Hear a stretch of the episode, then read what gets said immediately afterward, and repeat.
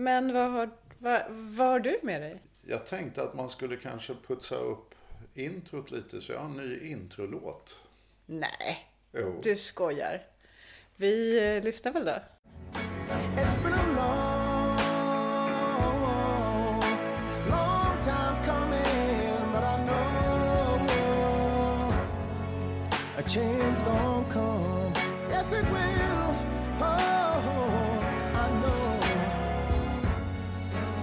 A change gonna come. I said I know.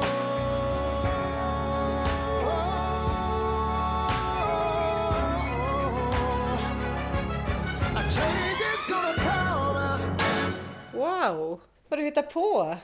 Ja, jag, jag känner att den här hade så mycket sådär eh, kampsång och innehåll i sig tyckte jag. Det är så här, a change is gonna come. Eh, och jag tyckte att det var också lite dags för en, en uppfräschning helt enkelt. Och det här är ju ursprungligen en låt av eh, Sam Cooke. Eh, som just heter A change is gonna come. Och dessutom så har vi då gjort den lite modernare genom att sno den i Seals version. Ja, men jag tyckte att det var en, en skön innehållsdeklaration över den här podden och förhoppningsvis andades en gnutta optimism. Jag tycker det känns jätte, jättehärligt. Jag ska inte säga att jag inte kommer sakna Low Blacks eh, Need a Dollar. Eh, men den kommer ju alltid vi bära med oss i våra hjärtan. Absolut, jag älskar ju den låten och jag tyckte ju vår jingel var väldigt bra. Men det här är också liksom påkommet lite av en anledning att vi, det är inte bara den här förändringen vi har gjort, vilket snart kommer framgå.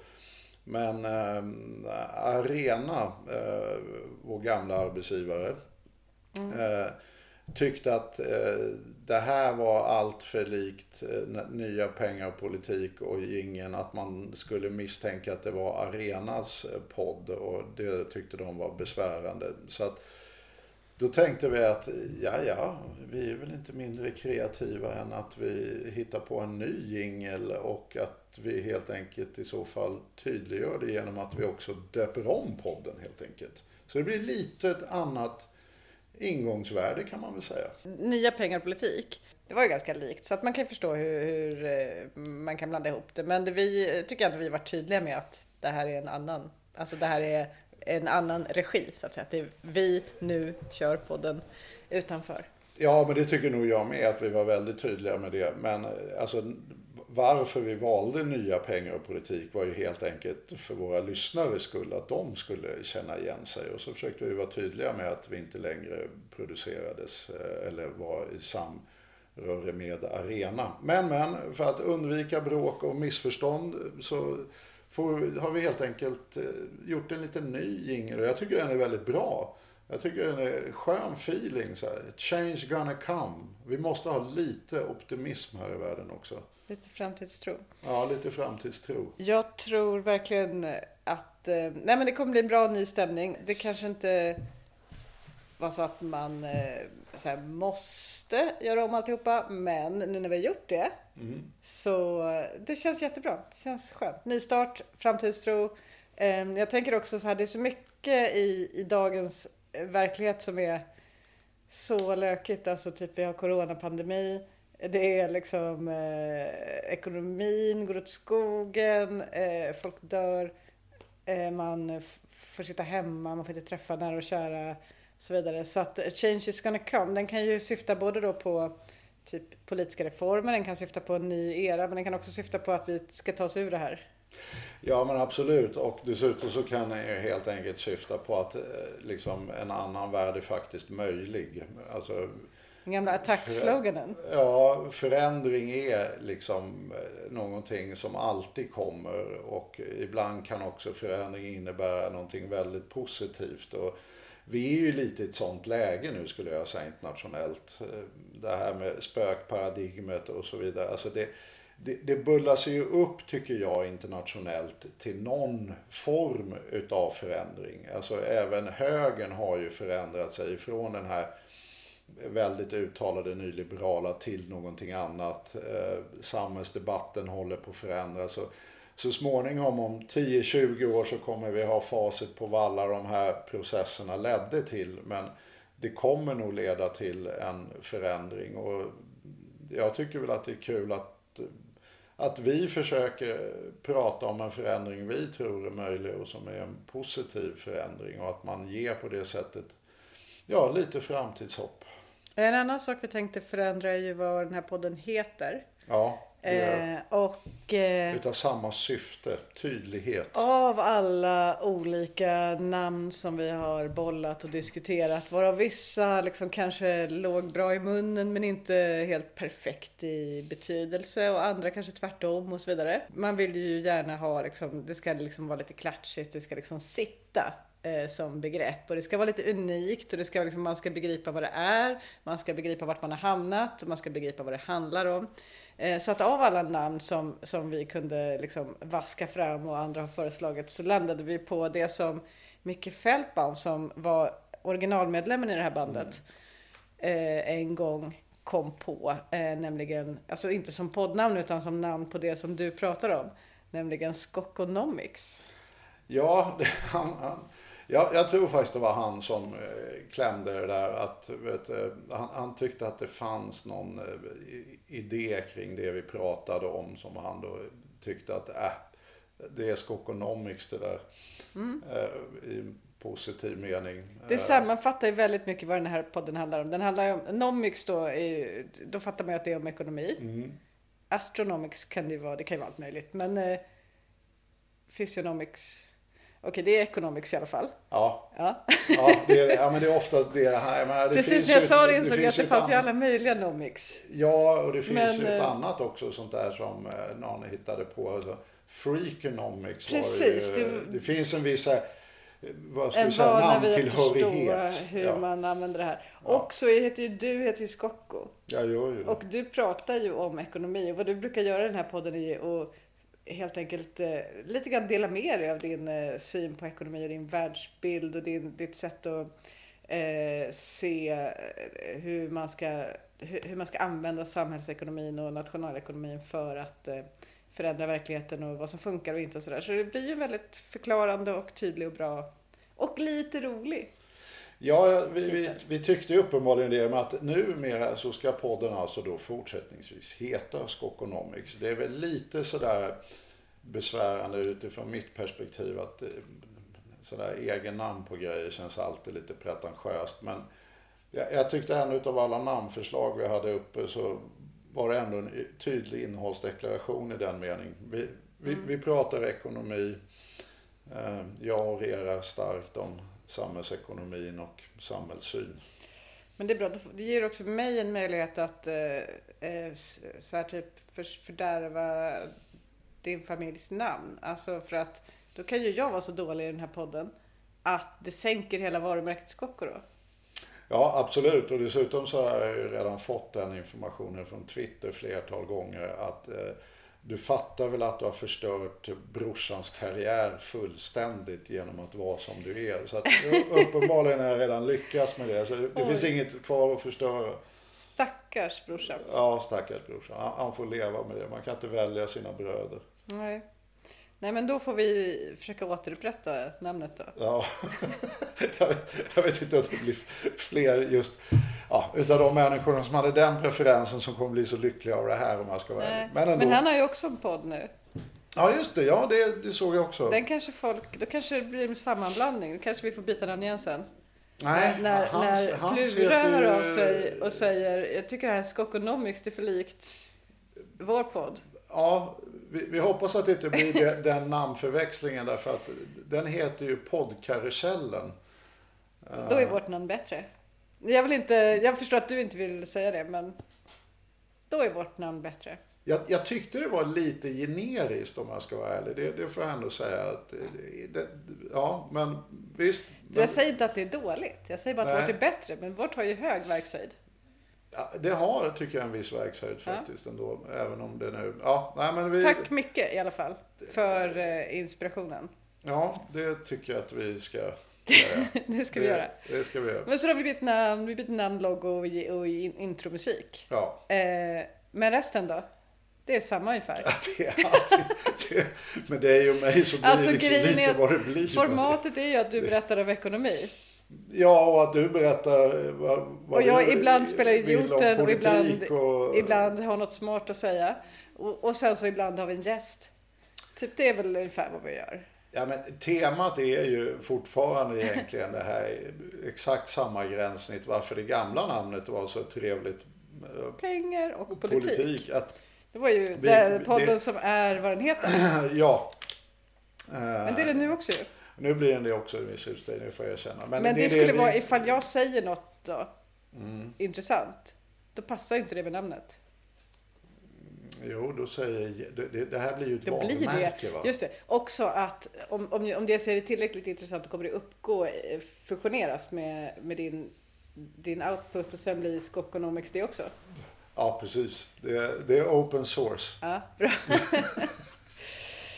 Men då kör vi. Och idag eh, så kommer det handla om den så kallade eh, trickle down effekten. Det är den vi ska prata om, trickle down filosofin. Eh, vad är det? Eh, vad vill de som förespråkar trickle down? Eh, varför, varför vill de det? Och eh, varför, varför har de inte rätt? Och varför har allt fler börjat inse att de inte har rätt? Ungefär där ska vi väl liksom röra oss. Men vi ska väl börja med varför, varför det är Ehm, alltså vi ska börja i, vi ska börja från början. Men det är också, det är också ett kännetecken för, eh, i alla fall vad jag har hört från många lyssnare, av vad de uppskattar med den här podden, att man förklarar ganska grundligt grunderna i hur ekonomi fungerar. Så att vi börjar väl där helt enkelt. Ja, därför att jag, jag tror att trickle down är ju en sån här osalig eh, idé som har snurrat runt här nu i 30-40 år. Men däremot så är det ju så att den, den fick ju mer en, en, liksom en formulering kan vi säga på, på 70-talet som var tydlig och det blev en helt bärande politisk idé. Men jag, jag hittade ju faktiskt att det, det, det är ju inte bara så att det här med att, vilket då trickle down innebär, att om, om vi ger pengar till de rikaste i samhället så kommer vet du, det där så småningom rinna neråt till vanligt folk. Så att det, det är en väldigt klok idé att helt enkelt bedriva politik som gör att rika blir fantastiskt mycket rikare därför att i förlängningen så kommer då alla vanliga människor också att bli rika. Och det här har ju varit verkligen en bärande idé för högern de senaste 30-40 åren. Men när jag googlade lite på det där så tyckte jag att, att det var lite kul att, jo det är ju ofta så vi ser på det, att det här är någonting vi har hittat på under 70-80-talet någonstans och framförallt slog igenom under 80-talet. Men, vet du, men Will Rogers som var en skådis som dog på 30-talet, eh, känd amerikansk, eller i den kontexten idag, han är kanske inte lika känd, eller var artist och lite allt möjligt. Jag hittade ett citat utav honom eh, som var rätt kul, eh, där han skriver att Eh, att ge alla pengar till de som är rikast och hoppas att de trickle down to the needy eh, är då inte en särskilt bra vet, idé. Därför eh, var då Mr Hoover som uppenbarligen hade sagt något i den här kontexten. Så här, Didn't know that money trickles up. Uh, give it to the people at the bottom and the people at the top will have it before night. Anyhow. Och så säger han, det här funkar inte alls. Just det, där- där har han ju en poäng. Ja, det har han poäng. Så att debatten om trickle down är ett av ett betydligt äldre, så att säga, eh, datum än eh, 80-talet. J. Edgar Hoover, när var det? Var det 30-tal? Jag vet 40-tal? faktiskt inte om det är J. Edgar Hoover. Jag har lite svårt, det- det- jag hittade bara citat, det står i Mr Hoover. Men jag har lite svårt att se varför J. Edgar Hoover skulle uttala sig om det här. Ja. För det kan säkert vara någon annan Hoover än just J. Edgar. Han var ju mest bekymrad över att eh, ja, jaga olika former av människor. Han var ju FBI-chef, eh, legendarisk sådan på dåligt sätt många gånger kan man väl säga. Eh, Var det 50-tal då eller? Ja, han, han var ju faktiskt med och startade FBI. Nu plötsligt bara handlar om J. Edgar Hoover istället. Men nej, jo, nej han, han var aktiv vet, du, ifrån, eh, typ om jag inte missminner mig, någonstans eh, 30-talet där. Det kan till och med ha varit slutet på 20-talet. Så han var ju liksom med då till Embro till FBI, fick sen ta över FBI och satt ju där i ja, vad det nu kan ha varit, 30-40 år som FBI-chef och ansågs ju ha The Hoover Files, det vill säga att han hade all smuts på alla existerande människor som betydde någonting i USA. Så ingen vågade säga någonting eller avsätta honom.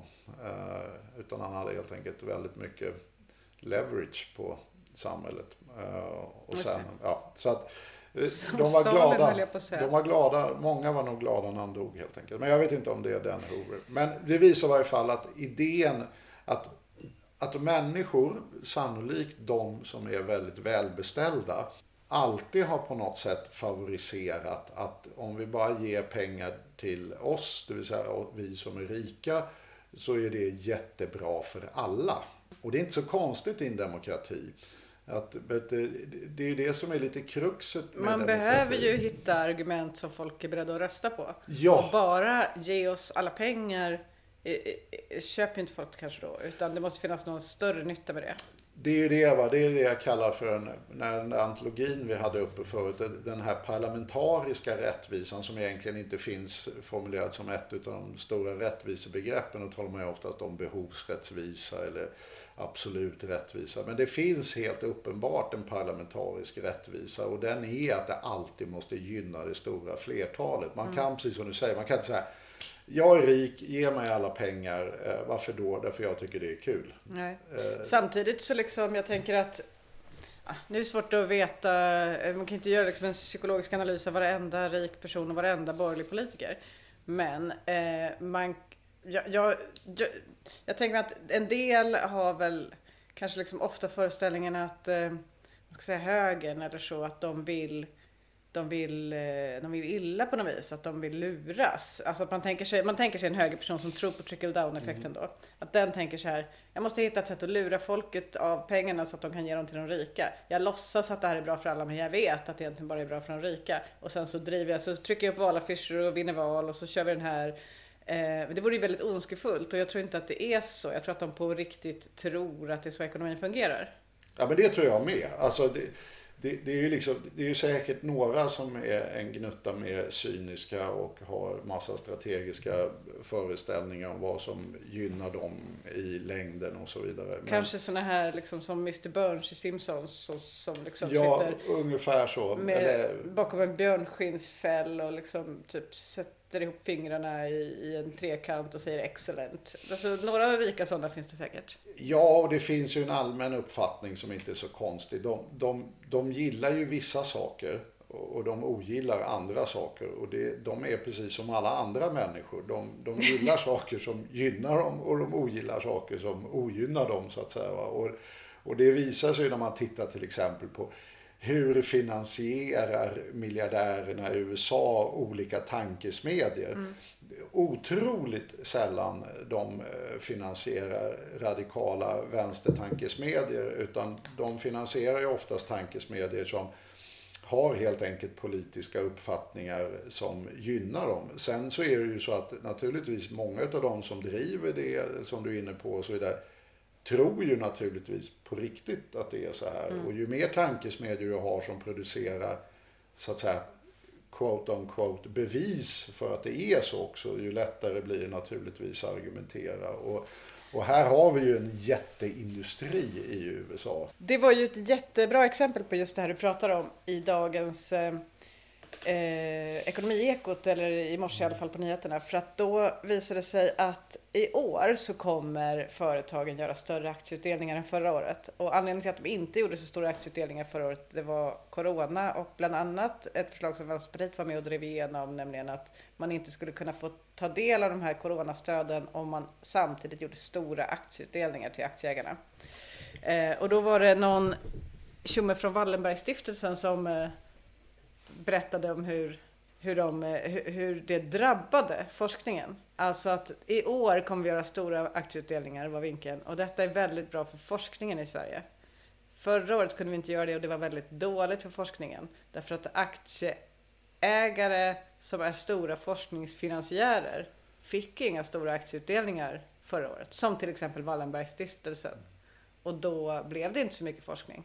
Eh, men det där är väl ett typexempel på hur man ser på hur världsbilden ser ut. Det vill säga om man bara kan liksom ackumulera väldigt mycket kapital i sådana på sådana ställen som Wallenbergstiftelsen som vet vad, så här, vad världen behöver, nämligen forskning till exempel. Vilket ju världen behöver, det är ju inget snack om det.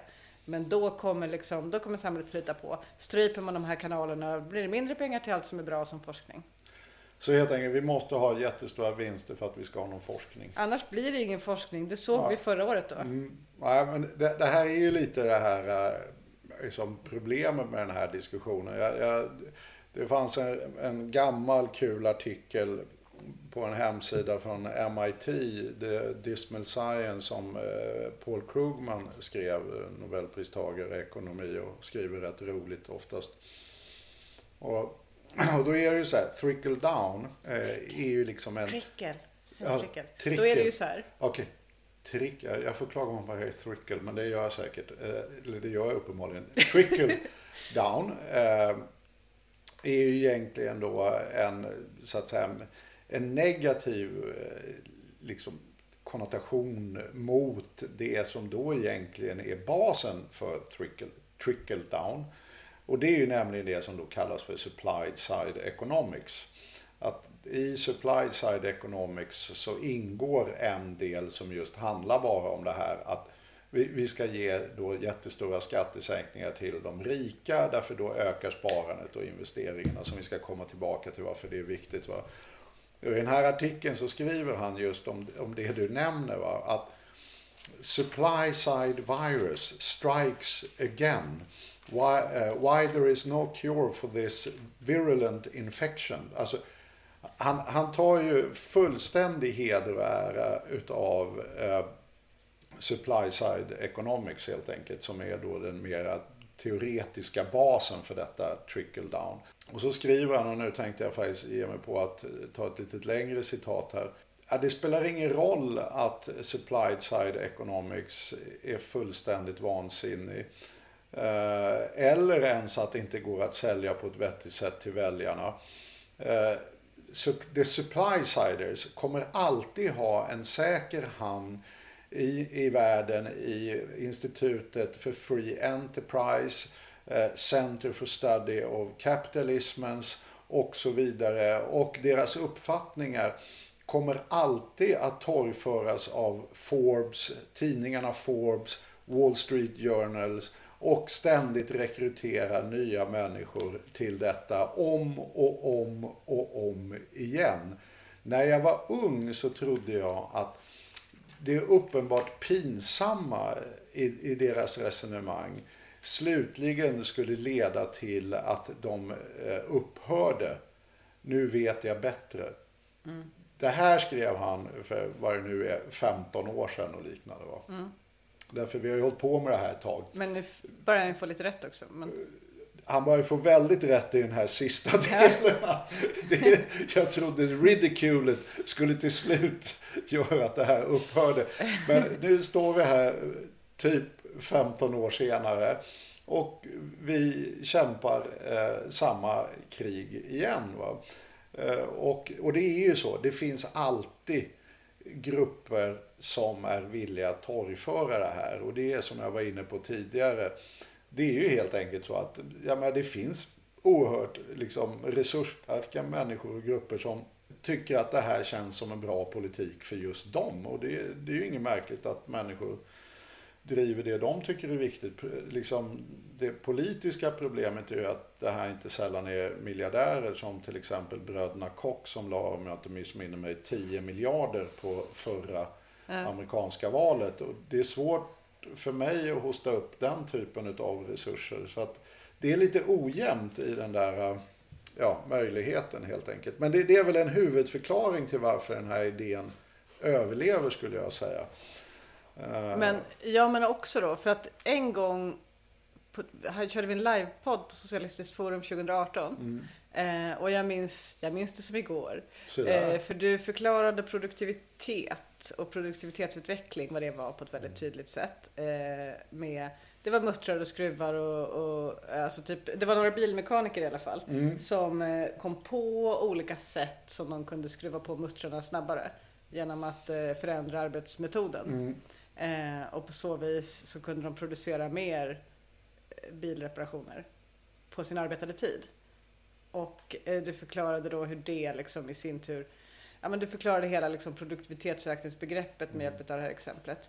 Ehm, Men jag tänkte, jag har liksom aldrig förstått, eller jag tror inte jag hade förstått innan riktigt eh, hur viktig kugge det här är i ekonomin. Nej, det är ju det. Och, och, och varför den här äh, frågan, det här trickle down och supply side economics hela tiden dyker upp. Därför att det finns ett jättestort och jätteallvarligt problem i botten som vi inte har löst. Eh, och det handlar just nämligen om produktiviteten. Och då kan man ju tycka produktivitet, jaha, ja, hur spännande är det, nu slutar jag lyssna. Men det kanske man kan tycka, men man ska åtminstone inte tycka det utifrån hur vår livsstil har möjlighet att utvecklas och vilken välfärd vi kan ha. Därför då är nämligen produktivitet är nämligen allting. Därför det är precis som jag försökte åskådliggöra där på Socialistiskt forum. Måste väl erkänna att jag hade glömt det, men jag brukar ju ibland ta sådana där lite praktiska liknelser. Och produktivitet handlar egentligen bara om en sak och då ska vi tänka oss nu en väldigt enkel modell utav att vi gör någonting, till exempel en bil. Va? Och då kan man mäta det som då kallas arbetsproduktivitet. Eh, som gör så att vi stoppar in massa timmar här. Va? Vi har 100 anställda och liknande. Och vi får ut 100 bilar. Och då kan man ju då få fler bilar, vilket skulle vara tillväxt, genom att peta in vet du, 100 arbetare till. Och då skulle man med exakt samma produktivitet få ut 200 bilar. Men det skulle ju innebära att det också är 200 personer som ska dela på de här 200 bilarna vi gjorde. Det vill säga det som, det som förut var 100 personer och 100 bilar är nu 200 personer och 200 bilar. Det gör ju att per capita, det vill säga per skaft, så har det inte hänt någonting. Inget har hänt. Inget har hänt. Alla bygger en bil och i och med att det vi producerar är ju det vi kan leva av. Så att även om vi har dubblat produktionen så kan vi fortfarande bara, de här 200 som gör det här kan bara leva på exakt samma sätt. Det är bara fler som nu lever på exakt samma sätt så att säga. Utan the name of the game, vilket vi har ägnat oss åt i praktiken sen någonstans 1750 kallt, det vill säga... vet du, 1750 kallt. Ja, eh, Eh, Har det något att göra med tulpanboomen? Nej, den var mycket tidigare. Ah, okej. Och dessutom är vi ett annat land. Eh, Vi, nu känns det som På spåret. Vi, vi rör oss väg? över vatten Ja. mot England. en ö. England. Vad hände någonstans där 1750 i England? Jag tycker nog jag fick det på åtta Vi- poäng i alla fall. Vi rör oss emot en stad som heter Manchester. Ja, och Spinning Jenny och allt det där. Ja, det är helt enkelt den industriella revolutionen. Att efter, vi hade ju liksom, nu är ju det här my- mycket fel, för vi hade en grön revolution innan och det hände grejer innan som började egentligen lite på renässansens tid och så vidare. Men man kan ju säga att, vilket jag har sagt förut, att den hårda kärnan i mörka medeltiden var inte riddare med stora svärd utan det var noll i produktivitetsutveckling. Det, det hände ingenting i produktionen utan allting var likadant århundrade efter århundrade. Va? Och sen kom renässansen och så småningom kom den gröna revolutionen som frigjorde arbetskraft och kapital och sen kom den industriella revolutionen. Och efter det så har egentligen the name of the game varit att vi vill höja produktiviteten, det vill säga arbetsproduktiviteten. Det vill säga att de här 100 personerna ska klara av att göra 200 bilar.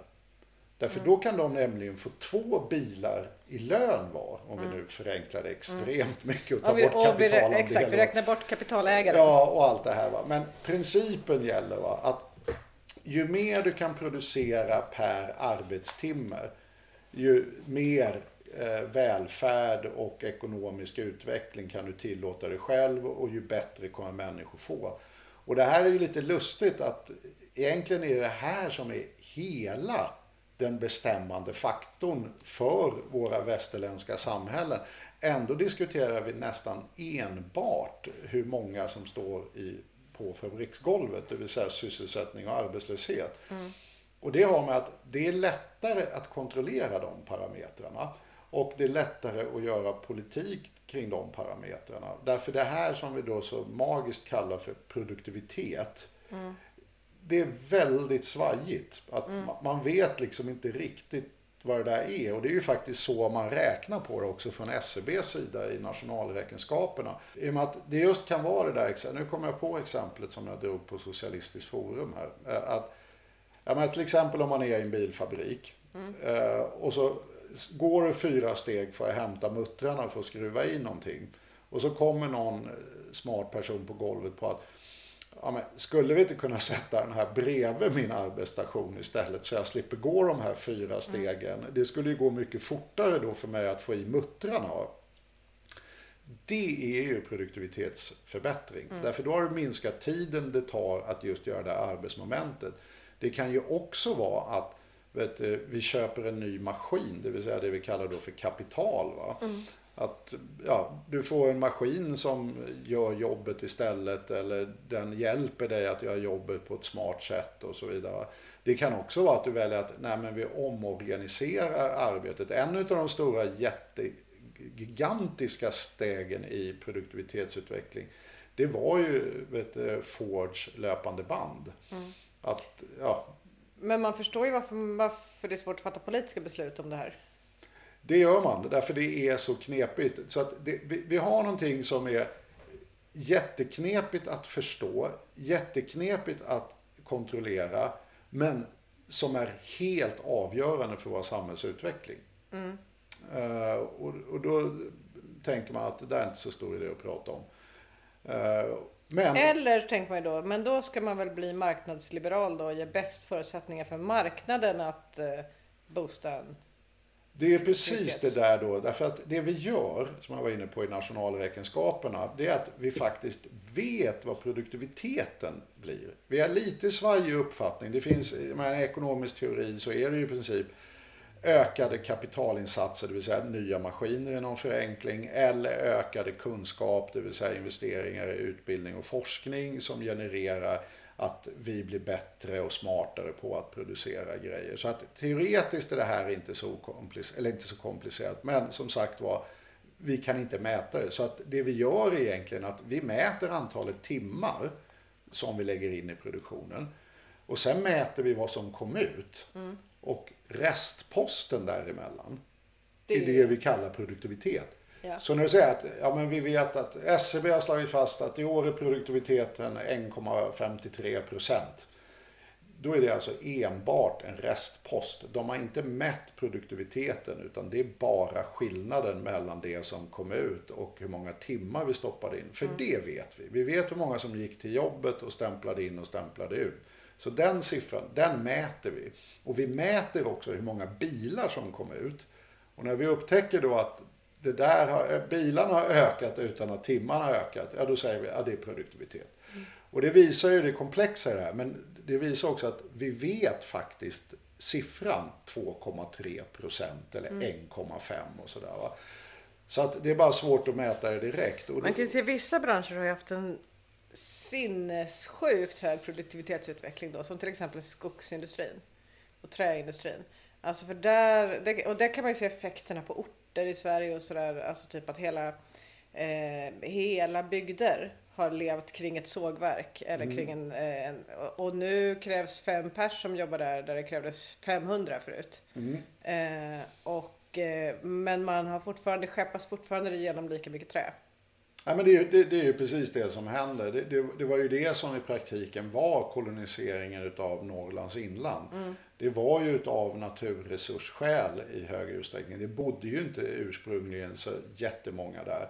Men i spåren av industrialiseringen när man behövde mer råvara så byggdes det upp städer och orter och så vidare därför att det behövdes väldigt mycket folk. Men då låter det ju samtidigt som att det inte bara är bra med produktivitetsutveckling. För att hade vi inte haft någon sån utveckling på skogsindustrin så hade folk fortfarande haft jobb och eh, en matvarubutik i Kramfors. Och, alltså de har ju en matvarubutik, de har massor med grejer i Kramfors. Men, Ja, men det hade funnits fler jobb i alla fall.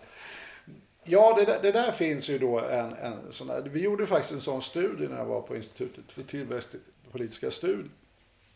Den, den där motsatsförhållandet finns ju, alltså rent matematiskt. Att liksom, om du vet, eh, producerar mer per timme Eh, då kommer ju jobben typ försvinna. Men det, och det är väldigt många som kan ha den uppfattningen. Vi visade väldigt tydligt statistiskt att det är precis tvärtom. Du har en starkare sysselsättningsökning när du har en stark produktivitetsökning. Ja, men för det som skulle hänt annars hade ju varit att de hade konkurrerats ut av andra sågverk. Nej, inte bara det, utan det är också det här med SES-lå som det heter. Va? Alltså utbud skapar sin egen efterfrågan också. Alltså vi kan konsumera så mycket som vi vet, eh, producerar. Ja. Så om vi klarar av att producera mer så kommer vi också efterfråga mer. Det tricket när man får Men då är det ju trickle down. För om det bara är fem pers kvar på sågverket, Ja. men de har samma ägare, men då är det ju jättemycket pengar som går in till ägarfamiljen då. Eh, och då skulle liksom idén om att eh, det blir massa pengar i samhället vara att, att det är de här rika som spenderar dem då. Nej, nej. Det här är också en spännande missuppfattning kring det här, att det just är så. Nej, bortsett då ifrån att det inte finns något samband, utan tvärtom så är sambandet tvärtom. Det vill säga att man har stark produktivitetsutveckling eh, så man har också en alltså stark utveckling utav hur smart vi jobbar och hur mycket mindre timmar vi kan lägga för att göra samma sak så får vi ändå fler som jobbar och det är ju därför det uppstår nya möjligheter att göra saker, att konsumera saker. Vi kan sälja på världsmarknaden och så vidare. Va? Då kan man just tänka sig, ja men nu är ju priset på de här, låt oss nu ta då trävarugrejerna. Att, ja men de, det kostar, en planka kostar tusen spänn säger vi Dyr. dyr planka, en fin planka.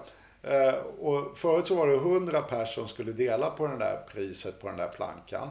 Men nu behöver kap- den kapitalägaren bara fem pers som ska dela på den där plankan. Och de får lite lön, men det blir ju massa pengar till kapitalägaren då. Det är ungefär så jag tolkar det. Lite kostar det väl med maskinerna också som har ersatt de här Okej, 500. han får lite, han måste betala lite mer. Men det här är en jättevinst för kapitalägarna.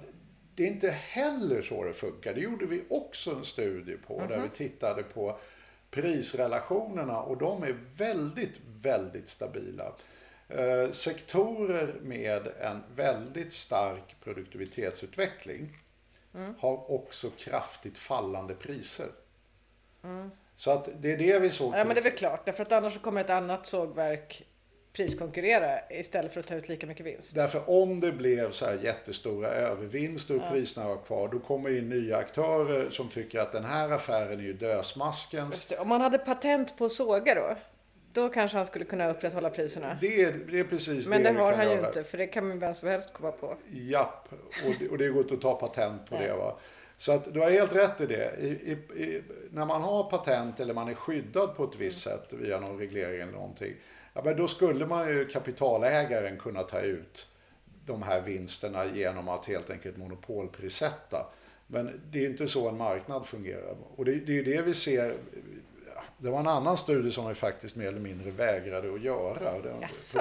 Ja. En studie som ni inte har gjort. Ja, därför den var så dum. Eh, näringsdepartementet under Maud Olofsson eh, tyckte att vet, eh, Sverige förlorar globala marknadsandelar på exportmarknaden och våra priser faller och det är ett jätteproblem. Och då skrev jag ett litet kort PM att, till regeringen att det här är lite departementet. Det här är inget problem utan det är en, det är en fullständig självklarhet att när andra länder ökar sin produktion och kommer in i den industriella eran som till exempel Sydkorea, Taiwan, Hongkong och sedermera Kina eh, så växer ju ekonomin dramatiskt mycket. Eh, och att om vi skulle behålla vår exportandel som land på den här växande marknaden då skulle vi först få börja exportera hela vår BNP för att överhuvudtaget, vi skulle få öka vår exportandel av BNP varenda år. Och sen efter fem år så skulle inte ens det förmodligen räcka.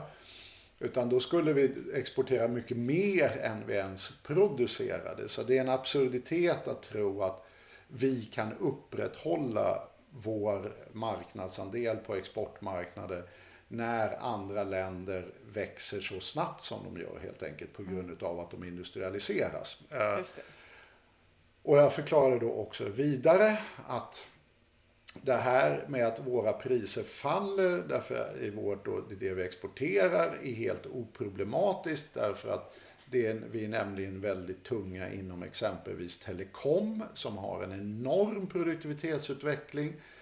Eh, Och som man räknar då produktivitetsutveckling, det vill säga att en telefon så räknar man ju om den blir bättre då ska ju priset stiga. Och stiger inte priset när telefonen blir bättre, ja, då faller priset rent beräkningstekniskt i alla SCBs databaser. Och vi vet ju alla vad som har hänt med telefoner. Alltså, De är väldigt mycket bättre, men också lite dyrare. Ja, de, nu finns det ju high-end market va, men det är de verkligen inte. Eh, Alltså, Alltså vadå, den här på kostar väl 90-talet typ 10 000? Ja, för därför du har gått på det här jättelöjliga med att nödvändigtvis ha en iPhone. Den- Men, Okej. men det går att Så vi köpa en... undantar iPhone från exemplet? Ja, därför det är mer så här varumärke och monopolfest. alltså, om, om du tittar på vad en gammal Ericsson kostade på 90-talet Ja.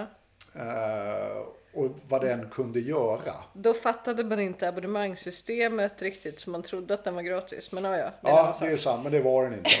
eh, utan det är en helt annan frågeställning. Men, men vet du, då kunde ju den göra väldigt lite och kostade väldigt mycket. Idag kan du ju köpa till exempel en Android-telefon i lower end of market som kan göra sjukt mycket grejer. Ja, och kostar en tusenlapp eller två. Va? Ah, en tusen lapp kostar den inte. Det finns mobil, smartphones för 2000 spänn. så 2000 mycket ja. kan jag säga. 2000 ja, 1000 nej. Okej, jag säger 1800 då. Men, nej, men, nej, men det, och, det, och det där gör ju då att rent statistiskt sett så har ju priset helt enkelt fallit dramatiskt. Va? Men det gör ju inte att de företagen, till exempel Ericsson då, inte kan göra vinst på telekomsystem eller på den tiden när de gjorde vinst på mobiler. Därför att kostnaderna faller ju lika snabbt. Alltså, det speglar ju fallande kostnader och på en marknad om inte de här fallande kostnaderna skulle slå igenom i priset, ja då skulle ju helt enkelt andra komma in och säga att den här sjuka övervinstfesten vill jag också vara med på och sen skulle det falla så småningom. Va? Så att det, och det här är ju då att, så att nej, produktivitetsutvecklingen är någonting i grunden eh, gott eh, på alla sätt och vis, både utifrån sysselsättning och utifrån andra perspektiv. Det innebär dock stora omställningar samhället måste hantera. Eh, till exempel när det gäller hur jobb flyttar runt och så vidare. Eh, men det stora problemet med produktivitetsutvecklingen så som vi har sett den är ju att det är en så kallad eh, throughput economy. Through, put Ja. through. Throughput. Vi kan diskutera det, men grundprincipen är att vi har stoppat in massa energi, Ja. vi har stoppat in arbetskraft och vi har stoppat in råvaror. Och vi har släppt ut koldioxid. Det där har vi gjort i ett allt högre tempo. Det vill säga att när plötsligt en mobil gick ifrån och, och vet du, kostade totalt sig 100 arbetstimmar och sist jag såg någonting som var nere på 17 minuter eller 12 minuter eller något sånt där. Hela den där neddragningen av hur mycket arbete vi lägger på telefonen speglar ju också att vi har blivit sjukt mycket duktigare på att förbruka el, råvaror och släppa ut koldioxid. Det är ett problem. Där har man konflikten, den genuina faktiskt. konflikten med produktivitet. Att den ligger inte på att kapitalägarna blir rika som troll eller i att sysselsättningen försvinner. Utan den ligger i att vi har ett strukturellt problem, att den är fullständigt ohållbar så som ekonomin fungerar idag. Där har vi problemet med produktivitetsutvecklingen så som den ser ut idag. Ska man väl kanske lägga till. Okej. Ja, men det var den mest deppiga utgång på ett resonemang jag har hört tror jag.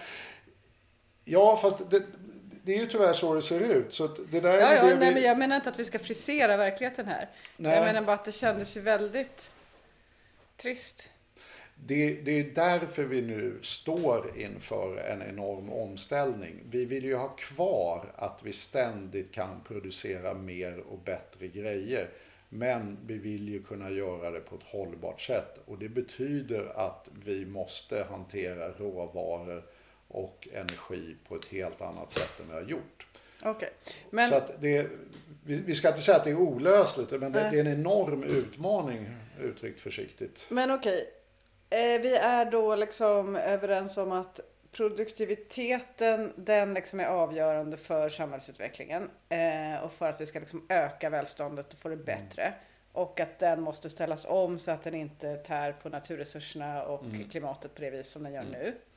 Men okej, hur ska den då göra det? För att eh, då, då, då har vi varit inne då på att eh, idén om att de rika ska bara investera i massa grejer eh, och att vi därför ska liksom låta, låta ett fåtal berika sig så mycket som möjligt. Att den idén då inte fungerar. Men vad, alltså vad är, hur ser teorin ut egentligen? Alltså vi har tagit exe- med exempel här att eh, ja, men, eh, Wallenbergstiftelsen satsar på forskning.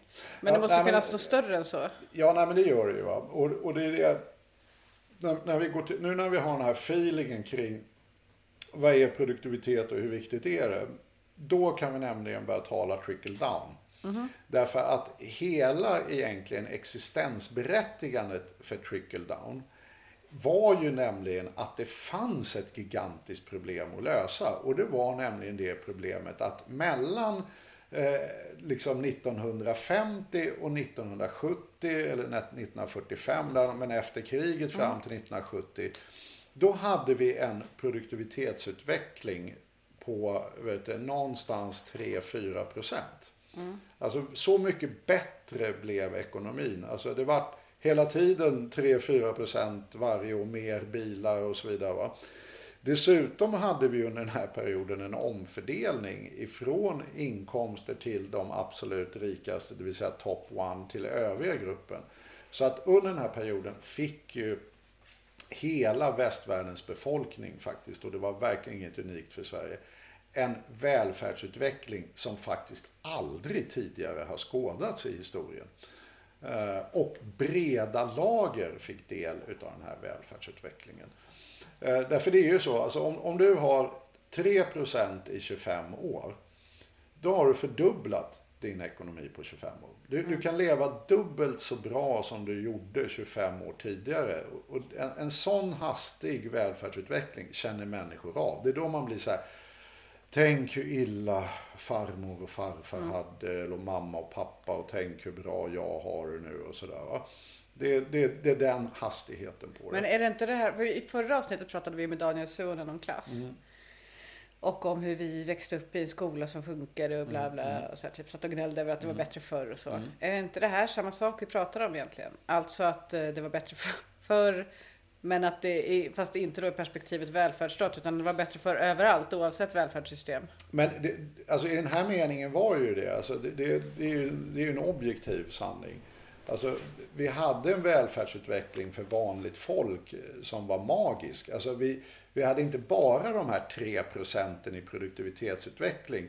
Som man brukar säga att hela befolkningen ska få produktivitetsutvecklingen. Sen fördelar den sig ju lite ojämnt. Men den, då fick man verkligen det. Att, och, och man fick mer därtill. Därför att vi höjde massa skatter, vi byggde ut välfärden och så vidare.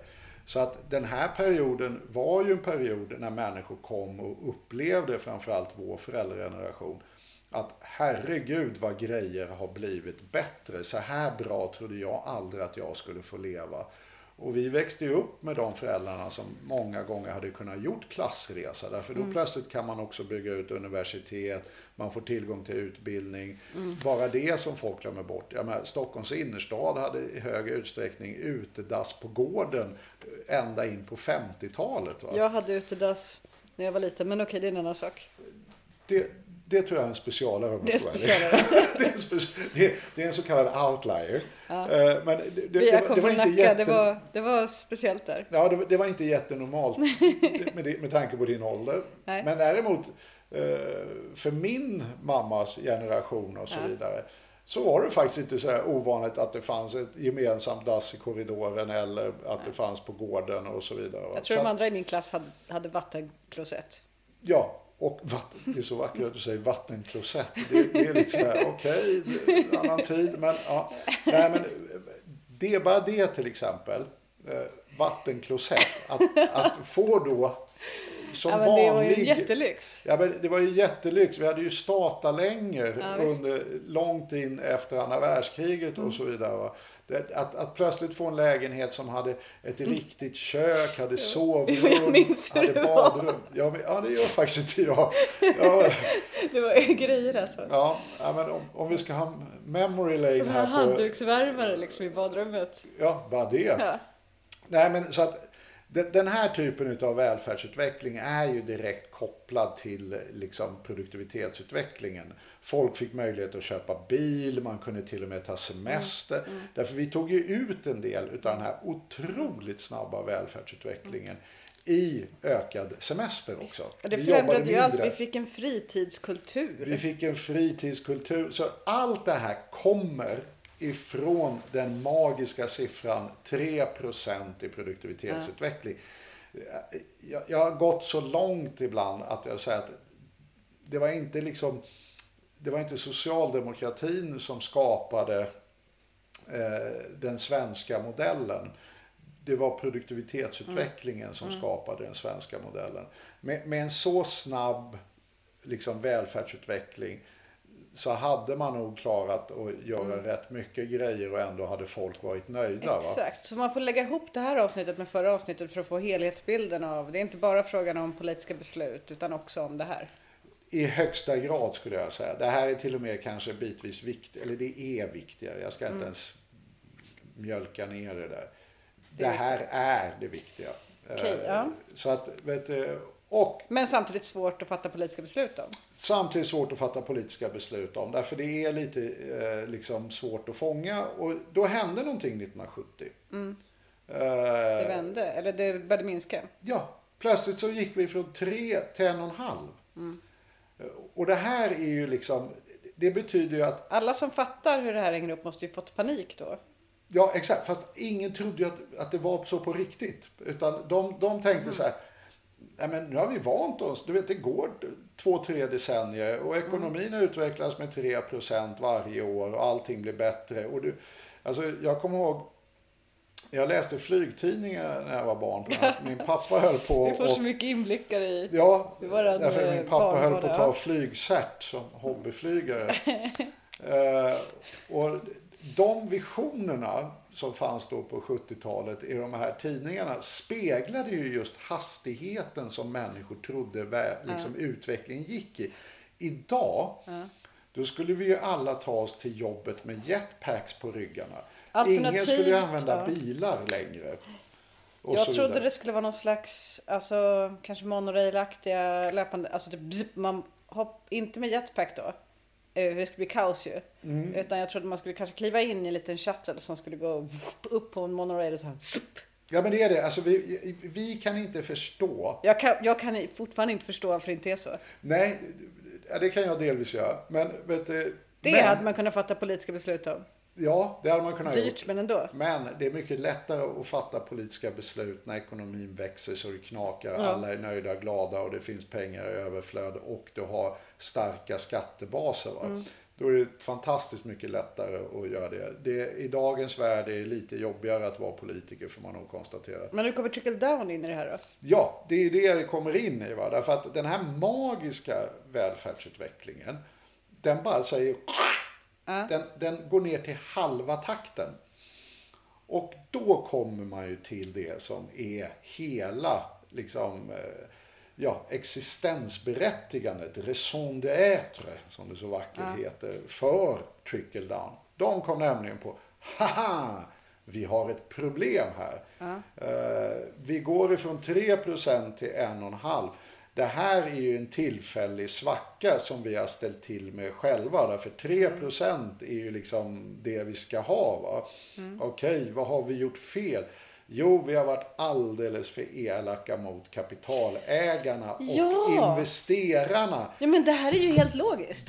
Ja, det För är att det har hänt under samma period så har också jämlikheten ökat. Ja, Och då tänker man att det, det är det som är felet. det är Men jag jämlikheten. fattar dem nu. Ja, det är jämlikheten, det är skatterna, det är regler och så gör man det där i ett paket som kallas då supply side economics som är fullständigt värdelöst, helt teoretiskt. Men man förstår hur de helt tänker. ridicule. Ja, ja. Det är, liksom, det är inte konstigt va. Det är här det kommer.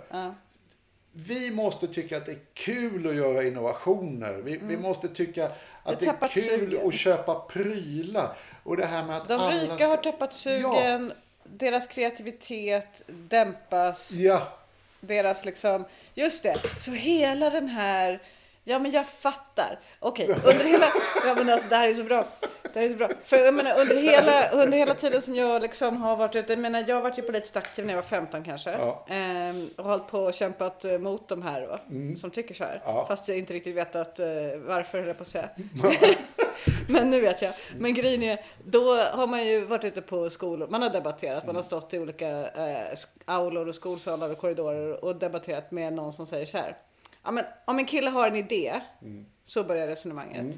Eh, och sen slutar resonemanget med att eh, eh, vi som då är vänster, vi vill liksom typ med hjälp av skatter, regleringar och byråkrati eh, så vill vi krossa den här killens idé. ja. Eh, medans Liberalerna, de vill då, eller Liberalerna i bred Mm, mening, de vill ge den här killen total frihet. Han ska få behålla alla sina pengar och då kommer han utveckla sin idé, annars kommer han inte göra det. Mm. Precis. Och då kommer... Jag fattar hur de tänker. Det är så de tänker. Och de hade verkligen ett jätteallvarligt problem på halsen. Som Mm. de kunde försöka liksom problemformulera kring. Mm. Det vill säga världens viktigaste sak, vår produktivitetsutveckling, hade plötsligt halverats. Mm. Och nu kommer vi då till då fortsättningen på denna historia. Gänget, precis som du beskrev så utförligt nu, säger detta. Det måste vara kul att vara rik. Eh, Okej. Vad gör man då? Man gör det väl lättare då att bli eh, rik. Man Sänker sänker, skatter, skatterna. minskar regleringar som eh, förhindrar liksom rika att eh, göra som de vill. Och det har då med arbetsrätten att göra till exempel. Ja. Det, är, det går inte att liksom, jag vill ha ett skönt gäng omkring mig. Då ska jag få Liksom- sparka alla som är osköna. Ja, de här det osköna roligare. Mm. lirarna. Då kommer jag tycka att det är roligare att hålla på med företagande om jag slipper massa osköna Absolut. typer på arbetsplatsen. Eh, Jag ska få den absolut största kakan av det Mm. här om jag har dragit igång det där. Om vad vi ska Mm. dela på, det, ska, det sköter vi individuellt. Just det. Det jag känner Men det här bygger då på idén att eh, liksom kreativitet drivs av girighet egentligen.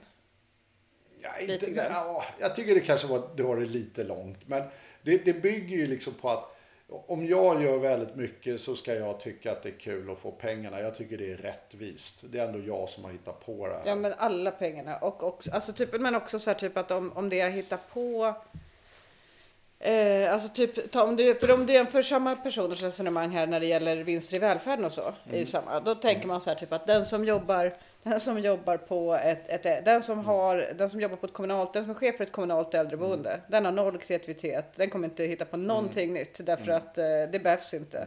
Det är ingen idé. Medan den som eh, äger ett äldreboende och tjänar pengar på det, den kommer hitta på massa nytt, för det är kul.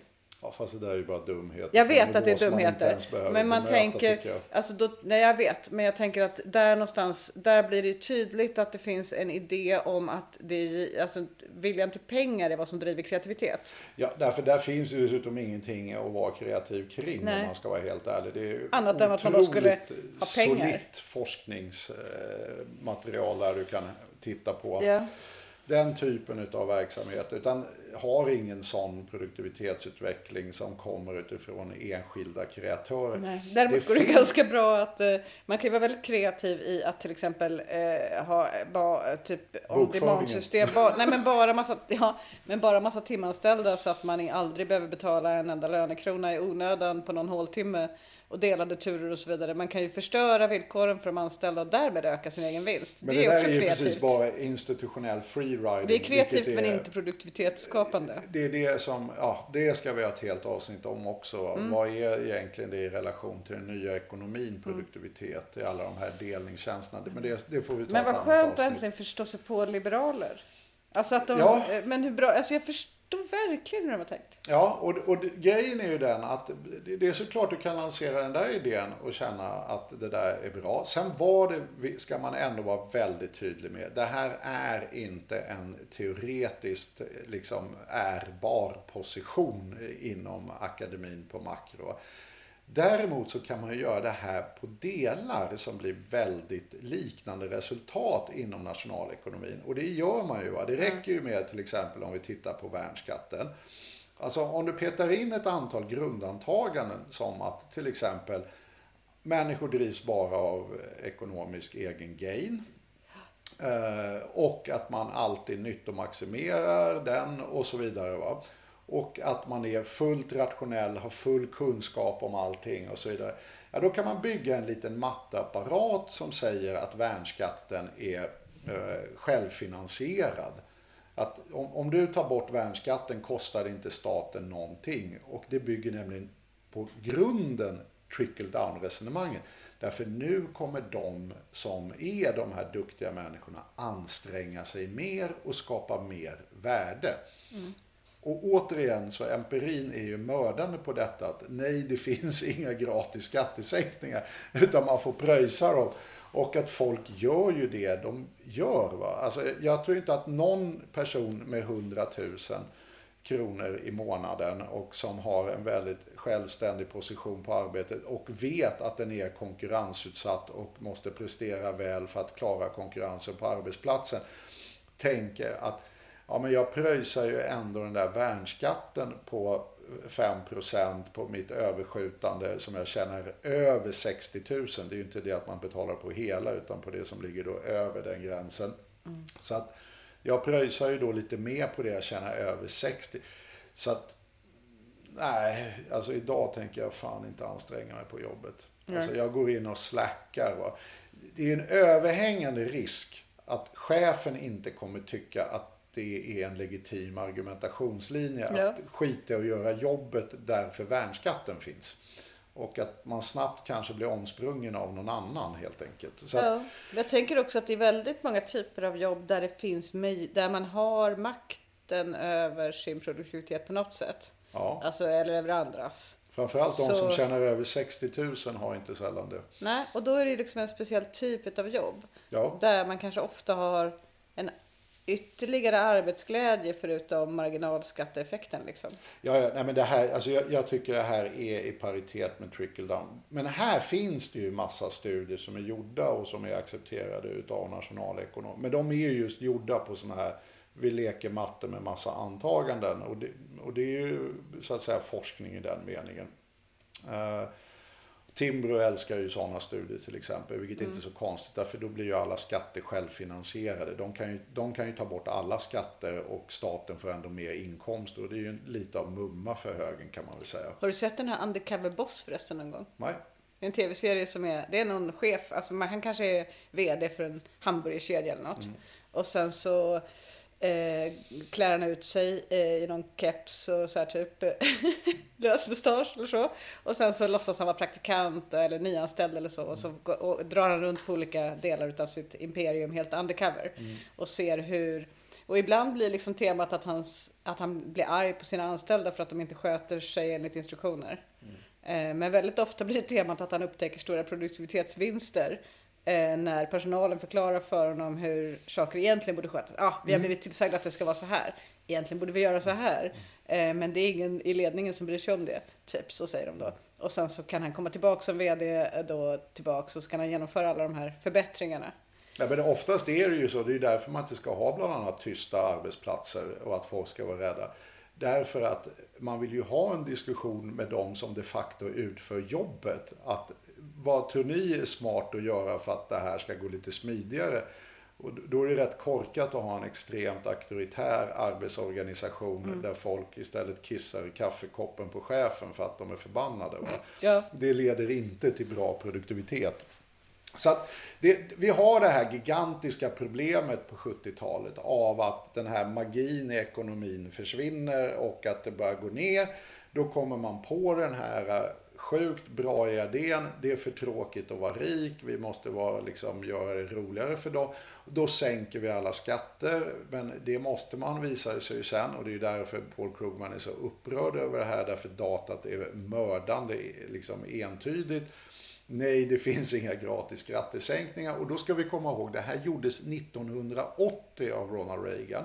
Och, det, och sen av Margaret Thatcher. Och då kallades det Reaganomics. Eh, utan naturligtvis måste man ju sen spara in alla de här skattesänkningar man har fläskat iväg. Därför att det visar sig att de inte var självfinansierade utan driver ju naturligtvis upp dramatiska underskott istället. Och då sparar man in på olika transfereringssystem plus att man då i USAs fall naturligtvis det här med att man inte vill ha osköna människor på arbetsplatsen gjorde att man tog bort all, eller inte all var lite att ta i, men man, man kraftigt försvagade arbetsrätten och så vidare. Det här gjorde ju nu att löntagarna fick inte ens den här halva vi var på gång mot. Alltså det, det var ju nog illa. Här rullar jag på i 30 år. Jag får 3% bättre varenda år. Okej, okay, en och en halv. Det var en sugig deal. Mm. Det blir bara, bara utav det blir det ju rätt mycket bitterhet i samhället skulle jag säga. Men nu går istället stora grupper ner till noll eller negativ. Därför att nu gör vi precis motsatt trick vad vi gjorde under liksom 50, 60 och 70-talet. Att nu vänder vi hela den här steken. Så mm. produktivitetsutvecklingen har gått ner. Men dessutom flyttar vi nu pengar ifrån the bottom 99 mm. till topp 1. Så att för mig har det alltid varit en fullständig självklarhet utifrån ren ekonomisk data att det här kommer att föda ett monumentalt missnöje bland stora grupper som kommer söka andra politiska svar. Det, det kan man ju säga har hänt i hela världen. Och samma sak har hänt i hela världen. Det är ju mm. det som den här studien som jag tycker faktiskt är läsvärd. Det är Erber, Fritsche och Harms som har skrivit The Global Productivity Slowdown, Diagnosis, Causes and Remedies. Eh, som är en studie som just tittar från 50-talet och framåt och den här liksom nedväxlingen och sådär. Eh, det är såklart att det gör det. Och det de konstaterade, det här är ett globalt fenomen. Det här har hänt i mer eller mindre utsträckning i varenda västland. Så vi, vi har gjort någonting som inte funkar. Visst, det låter jättekul då att eh, öka förutsättningarna för höginkomsttagare och rika att eh, tjäna ännu mer pengar. Tills den dagen då det plötsligt står en kille i bisonmössa och stormar Kapitolium. Ja, och inte bara det skulle jag säga. Därför att det, det, om, om man förstår världshistorien på det här sättet så finns det ju en väldigt tydlig målvariabel. Alltså, vi har gått ifrån tre, vi trillade ner till en och en halv. Det värsta är att vi har trillat ner lite till nu, så nu ligger vi bara halka. Efter finanskrisen mm. har det gått ännu sämre med produktivitetsutvecklingen. Men varför är det sånt, okej, okay, så det går jättedåligt men ändå klimatförstöring. Men okej, okay, det, Ja, men så länge vi jobbar likadant med ekonomin och har minsta mm. lilla tillväxt så blir det klimatförstöring. Ja. Men det, det, är lite ett, ett annat spår ja. som vi får återkomma till. Men i och med att det här är ett globalt och i hög utsträckning västerländskt fenomen. Ja, det är inte konstigt att alla västerländska ekonomier har upplevt ett liknande missnöje i sina befolkningar. Därför alla har upplevt samma produktivitetsproblem alla hoppade in i supplied side economics och trickle down och omfördelade ifrån the bottom 99 till, till 1%. Så att alla har gjort det i olika hög utsträckning ifrån olika utgångspunkter. Vissa var ju mer jämlika eh, eh, liksom i startpunkten. Andra var ju relativt ojämlika till och med i startpunkten. Men, eh, så att Även politiskt är det inte konstigt att det här är ett globalt fenomen i och med att alla har berörts av samma faktorer. Men min poäng, som jag faktiskt tänkte på innan, allt det vi gjorde från 1980 till idag, och då ska man ha med sig att det är 40 år. Det är enormt lång tid. Eh, och det är, liksom, det är samma tidsperiod som från mm. 1945 till 1985. Det är också 40 år. Va? Jag tycker sån här, mm. 40 år är sjukt lång tid. Va? Mm. Uh, så den där idén som du gick igång på där, va? Den kom då och genomfördes då eh, 1980 för 40 år sedan. Löftet var vi ska få tillbaka ekonomin till 3% produktivitetsutveckling. Det är det som är trickle downen. Och nu har de haft ett tag på sig. 40 år. Ja. Och vi har 41 nu då. genomfört politiken mangrant. Det här borde Ja. ni göra. Ni borde verkligen göra rika, mycket, mycket rikare. Det, bort det har vi lyckats med. Politiken har genomförts stenhårt. Det är hela Den har levererats. Så nu kommer ju Vad är liksom, resultatet någonstans? efter den här beska medicinen, vilket många tyckte redan då, eh, att jo, men om det här nu är sant får vi väl ta den här beska medicinen för att vi ska bli friska igen och ekonomin ska bli frisk. Så det enda resultatet utav denna beska medicin 40 år senare är att vi har blivit ännu sjukare. Sitter nu ekonomerna på landets och världens lärosäten och tänker att det här gick ju inte så bra. Ja, men det, det gör de faktiskt bitvis. Va? Sen är det ju lite som Paul Krugman säger. Han, han var ju på någonting på spaning där ett par decennier sedan. Att när redan då debatten egentligen var så här, det här flyger inte. Då hade det ändå gått 20 år. Va? Det här, vi, vi har nu försökt göra den här remedin som det heter. Botemedlet. Vi öser in mer och mer botemedel. Ingenting händer. Va? Eh, Så redan där var den ju liksom eh, i så att säga disre- disrepute. Och vet du, men, precis som man konstaterar, det kommer alltid finnas stora tankesmedjor, eh, free enterprise, allt möjligt, som driver de här frågorna. Det kommer alltid finnas tidningar och andra som är gärna megafoner åt de här uppfattningarna. Och det kommer alltid finnas politiska partier som är det. Men däremot så har ju det spännande hänt att de tidigare megafonerna för detta paradigmskifte som kom då på 80-talet, IMF och OECD som är kan man säga. OECD kan man ju kalla think tank faktiskt. Men IMF har ju faktiskt vissa, ja, utför ju också vissa arbetsuppgifter. Men fungerar i praktiken som också en gigantisk think tank när det gäller normering. Det som kallas Washington konsensus. De här var ju supermed på tåget på 80 och 90-talet. Inte bara med på tåget, de körde tåget. De körde tåget i hög utsträckning. De har ju gjort en 180-gradare. De har ju tittat på datat. Och, och du vet, i en viss utsträckning kan man hålla som uppfattningen, ja men nu har vi gjort alla rika rikare. Jo, jo, men det tar lite tid. Det man kallar för time lag. Att Ja, just det. Men det är jättelång tid då. du, nu börjar det bli väldigt... Det är så här, Då är det nästan så att då är det inte värt om vi ska jobba på så lång sikt. om, om det inte har hänt någonting på 40 år, då, då måste vi nog börja Bara lite- blivit värre på 40 år. Det har bara blivit värre på 40 år. Då, då måste man nog börja fundera på lite, var det här verkligen rätt medicin? Eller som eh, vet du, Keynes konstaterade, in the long run we're all dead.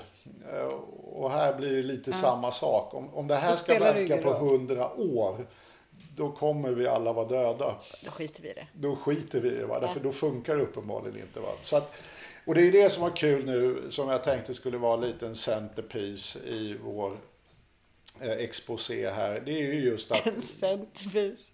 ja, Ja. Men att ja, men dels det här med att OECD och IMF, och här finns det ju sådana här citat som jag har sagt tidigare som är ju väldigt så här, ja, ultraradikala ifrån IMF. När IMF-chefen säger att nu efter pandemin vill vi bara gå tillbaka till, gård, eller till gårdagens... Eller vi, nu vill vi bara gå tillbaka till hur ekonomin fungerade innan pandemin. Och som vi var inne lite på introt här, man börjar bli väldigt trött på pandemin. Va? Så att det är en förståelig känsla. Och så klämmer hon till med, vi kan inte, vi bör inte gå tillbaka till gårdagens ekonomi. Vi kan inte gå tillbaka till ökad ojämlikhet, eh, ökad eh, miljöförstöring och klimathot och dålig produktivitet Nej. säger hon. Därför hon förstår nämligen hur viktig produktiviteten är. Det här är på sakliga grunder ett monumentalt fiasko för nyliberalismen och supply side economics. Därför det är i princip samma sak, supply side economics och nyliberalismen. Och då kom ju det här working papert eh, i London Schools of Economics utav Hope och Lindberg i december nu i år. Och där de gör då en jättestor studie på 18 länder och tittar just på kan vi hitta någonting? Alltså nu har alla länder gjort det här. Vi tittar över långa tidsserier, många länder. Kan vi hitta några resultat alls som stödjer den här politikinriktningen? Och deras svar är ett magnifikt nej. Det har vare sig lett till ökad produktivitet eller till ökad sysselsättning. Så att vi, vi har ju ett jättestarkt material nu efter 40 år. Att det här är en på sakliga grunder fullständigt misslyckad politik. Den gamla paradigmen är verkligen en spökparadigm. Ja, det är det. Därför det är egentligen ingen som riktigt tror på det, utom de som har betalt att tro på det. Och januariavtalet. Ja, men januariavtalet går ju väldigt mycket i traditionen utav spökparadigmet. Att det, det, liksom, OECD konstaterade ju likadant. Va? Eh, vi behöver en ny berättelse, den gamla funkar inte. Den nya berättelsen måste bygga på inkluderande tillväxt som alla får del utav, rättvisa löner och vet, eh, ekologisk hållbarhet. Det är, så här, det är de här nya, liksom alla insett, "Äh, det här går inte. Skriver London School of Economics det? Nej, det var OECD det sista OECD, citatet. ja. Så att, Lät så radikalt. mm, nej, det var OECD. Ja. Nej, de är mer policyorienterade. De Ja. måste ju dra slutsatser Ja. av vad man läser. Va? Vad drar du för slutsatser då? Nej, men jag drar ju den slutsatsen att det här är ju en kamp om problemformuleringen och att vi har fortfarande en väldigt, väldigt stark politisk sida som driver more of the same. Alltså hur löser vi dagens problem? Jo, more of the same, samma sak som vi har gjort de senaste 40 åren. Så ska vi komma någon vart med liksom både klimatet och med eh, produktiviteten och eh, få ökat välstånd så måste vi få dem att ge sig på något vis. Och vi måste ju inse, som då vår lilla introlåt, det var därför jag tyckte den var så himla bra där. Eh, It's time for a change. Alltså vi måste göra någonting nytt på ett nytt sätt. Och det här senaste 40 årens sätt har inte fungerat. Så låt oss istället ha en konstruktiv debatt om vad är det vi måste göra nu? Vad är det vi ska changea, så att säga. Vi får väl ta nästa avsnitt då till att changea något. Eh, till att prata lite om hur, hur man skulle kunna göra, alltså vad för drivkrafter vi behöver tillföra ekonomin för att få den att fungera bra. Och hur det kan koppla ihop till politiken. För att eh, som du säger, det är svårt att fatta beslut om produktivitet. Det är ju det. Men eh, hur man liksom kan göra sitt bästa. Men om du vill tisa lite redan nu, vad man i så fall skulle Nej, men jag, jag tror ju att vi, vi måste ju framförallt in i den diskussionen. Jag menar, jag tycker att det är fullständigt liksom, oacceptabelt att efter 40 år inte acceptera att det inte har fungerat och att vi står kvar egentligen vid exakt samma frågeställning vi hade 40 år sedan. Hur får vi igång produktiviteten igen? Det är ju där vi står. Va? Och vi har sumpat 40 år. Och då tror jag att den produktivitetsdiskussionen måste gå back to basic. Att det är snarare trickle up vi behöver än trickle down. Som eh, liksom Rogers var inne på redan på 30-talet. Att vi måste gå tillbaka. Hur skapar vi egentligen tillväxt? Alltså vad säger teorin om det? Och teorin talar ju om kunskap. Eh, Den här studien som jag citerade tidigare talar om efterfrågan i ekonomin, det vill säga att vi måste ju ha någon som köper grejer som leder till nya investeringar. Och vi måste naturligtvis ställa om ekonomin. Så att det, det finns, tycker jag, när man tittar internationellt, så finns en ny berättelse där ute att ta till sig. Eh, Och det finns väldigt, väldigt mycket bra forskning man också kan ta till sig. Så att då kommer ni kunna se mig inom de närmsta åren då ute på någon skola stå och säga så här att om en kille har en idé, då måste han faktiskt ha en kompensatorisk skola Ja. och eh, en, eh, vad heter det, eh, ett välfärdssystem som skyddar honom från effekterna utav när han, när han typ fick corona den där gången. Eh, så att han kan utveckla sin idé och känna sig trygg på arbetsplatsen och bla bla så. Typ att eh, man kan, alltså för att det handlar fortfarande om den här killen med en idé på något sätt. Ja, ja, det handlar om den här killen med en idé och tjejen naturligtvis. eh, Lite sexistiskt där för mig igen. Men, det Men nu är det inte ja. det, okej, Ja, om, ja. ja. men tjej har en idé. Alltså, Ja. Men då låter det som att så här typ, Vi, Ja. vi konstaterar bara, Okej, om en ja, tjej ja. eller en kille eller Visst, visst. Du, någon självdefinierad. är patriarkatet också man ja, måste förändra en, då. Ja, exakt. Har en idé. Eh, Så handlar det naturligtvis om också, vem får idéer? Eh, Jag menar, om, om vi tar en sånt enkelt exempel som vi kommer då diskutera mer, inte just det exemplet, men hur man kan se på det här. Det är ju, vi hade ju det här beramade musikundret som Pagrotsky sprang runt och skröt om för ett antal år sedan. Alltså, vad det, ja. Ja, men vi hade ju massa stora band. Jo, jo, men här alltså jä- typ, jag tror att, jag vet inte, jag tänker bara att eh, hur, hur tänker folk på musikundret? Jo, som det som Pagrotsky sprang runt och skröt om. Jag tror att de flesta tänker på det eh, liksom mera i, eh, som när Robin åkte på världsturné. Absolut, jag menade bara det att Paggan försökte ta åt sig lite äran för det. Ja, du menar så ja. Eh, Det var bara det jag menade. Jag menar inte att han var något musikunder. Nej, Eh, men han var men, han är inte det första man tänker på. Nej, men, men mycket av de analyserna som kom ut utav hur, hur har det här musikundret skapats? Det visar sig ju vara den kommunala musikskolan. Att man gav väldigt, väldigt många människor chansen att pröva på musik, att känna att det var någonting för dem och så vidare. Och ur den här stora, stora massan så sen liksom vaskades det fram de här liksom superba talangerna som kunde slå världen med häpnad och då generera naturligtvis massa med pengar. Så att det, det är en sak vi definitivt ska göra om vi månar om innovationsklimatet i samhället. Det är ju att se till att så många människor som möjligt får en möjlighet att vara med i den processen. Eh, Och där är ju det vi, om vi ska återknyta till Suonens och vårt samtal, där är ju klassamhället en mördare. Alltså, det, det klassamhället i praktiken gör, det är att det utestänger väldigt många människor från friheten att få delta i en sån process. Därför man kommer aldrig till den möjligheten. Man får aldrig gå i de skolorna man skulle vilja gå i och så vidare. Va? Jag menar, ska du gå på Juilliards i New York till exempel därför du vill bli musiker, va? då gäller det att ha väldigt välförsedda föräldrar. Det är helt otroligt hur Skokonomics hänger ihop va? Ja, det- det är ju det som är bara... Det är liksom en helhet. Det är en helhet. Det är en helhet. Man måste förstå helheten här.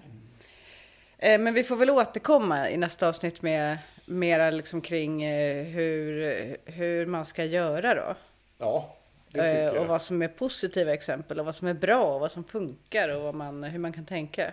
Ja, hur vi måste bara tänka nytt efter 40 år utav monumentalt misslyckande på att få igång produktiviteten. igen. Om det här avsnittet handlar om trickle down så kan nästa handla om trickle up. Ja, vi kan kalla det för trickle up. Det kan vi göra. Jag heter Jenny Lindahl. Jag tror inte vi presenterade oss riktigt. Nej, jag heter Sano Skocko. Okej, och med det så säger vi väl hej då då. Ja, det tycker jag. Hej då till eh, alla våra kära lyssnare som får stå ut med många namnbyten, introbyten och så vidare. Men jag, hoppas att det inte har påverkat upplevelsen allt för negativt. Men temat är. Change gonna come. I said I know. Än så lång